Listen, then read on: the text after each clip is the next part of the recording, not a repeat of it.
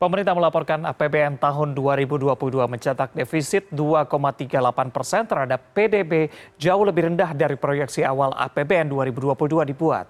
Dalam konferensi pers APBN kita, Menteri Keuangan Sri Mulyani mengatakan realisasi sementara pendapatan negara 2022 sebesar 2.626 triliun rupiah atau tumbuh 116 persen dibandingkan dengan target pada Perpres 98 tahun 2022. Pendapatan tersebut paling banyak disumbang oleh penerimaan perpajakan bea dan cukai total 2.034 triliun rupiah. Hal itu tak lepas dari pemulihan ekonomi dan dorongan harga komoditas yang relatif masih tinggi.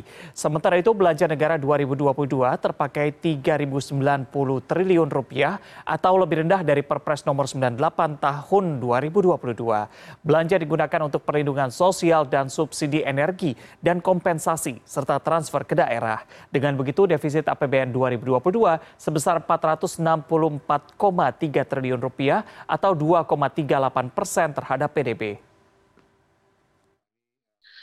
Surplus eh, defisit tahun 2022 ditutup dengan 464,3 triliun. Ini juga kalau dibandingkan APBN awal yaitu 868 eh, atau di Perpres 98 di mana defisitnya dicantumkan 840,2 triliun, angka 464 ini jauh lebih rendah hampir separuhnya sendiri.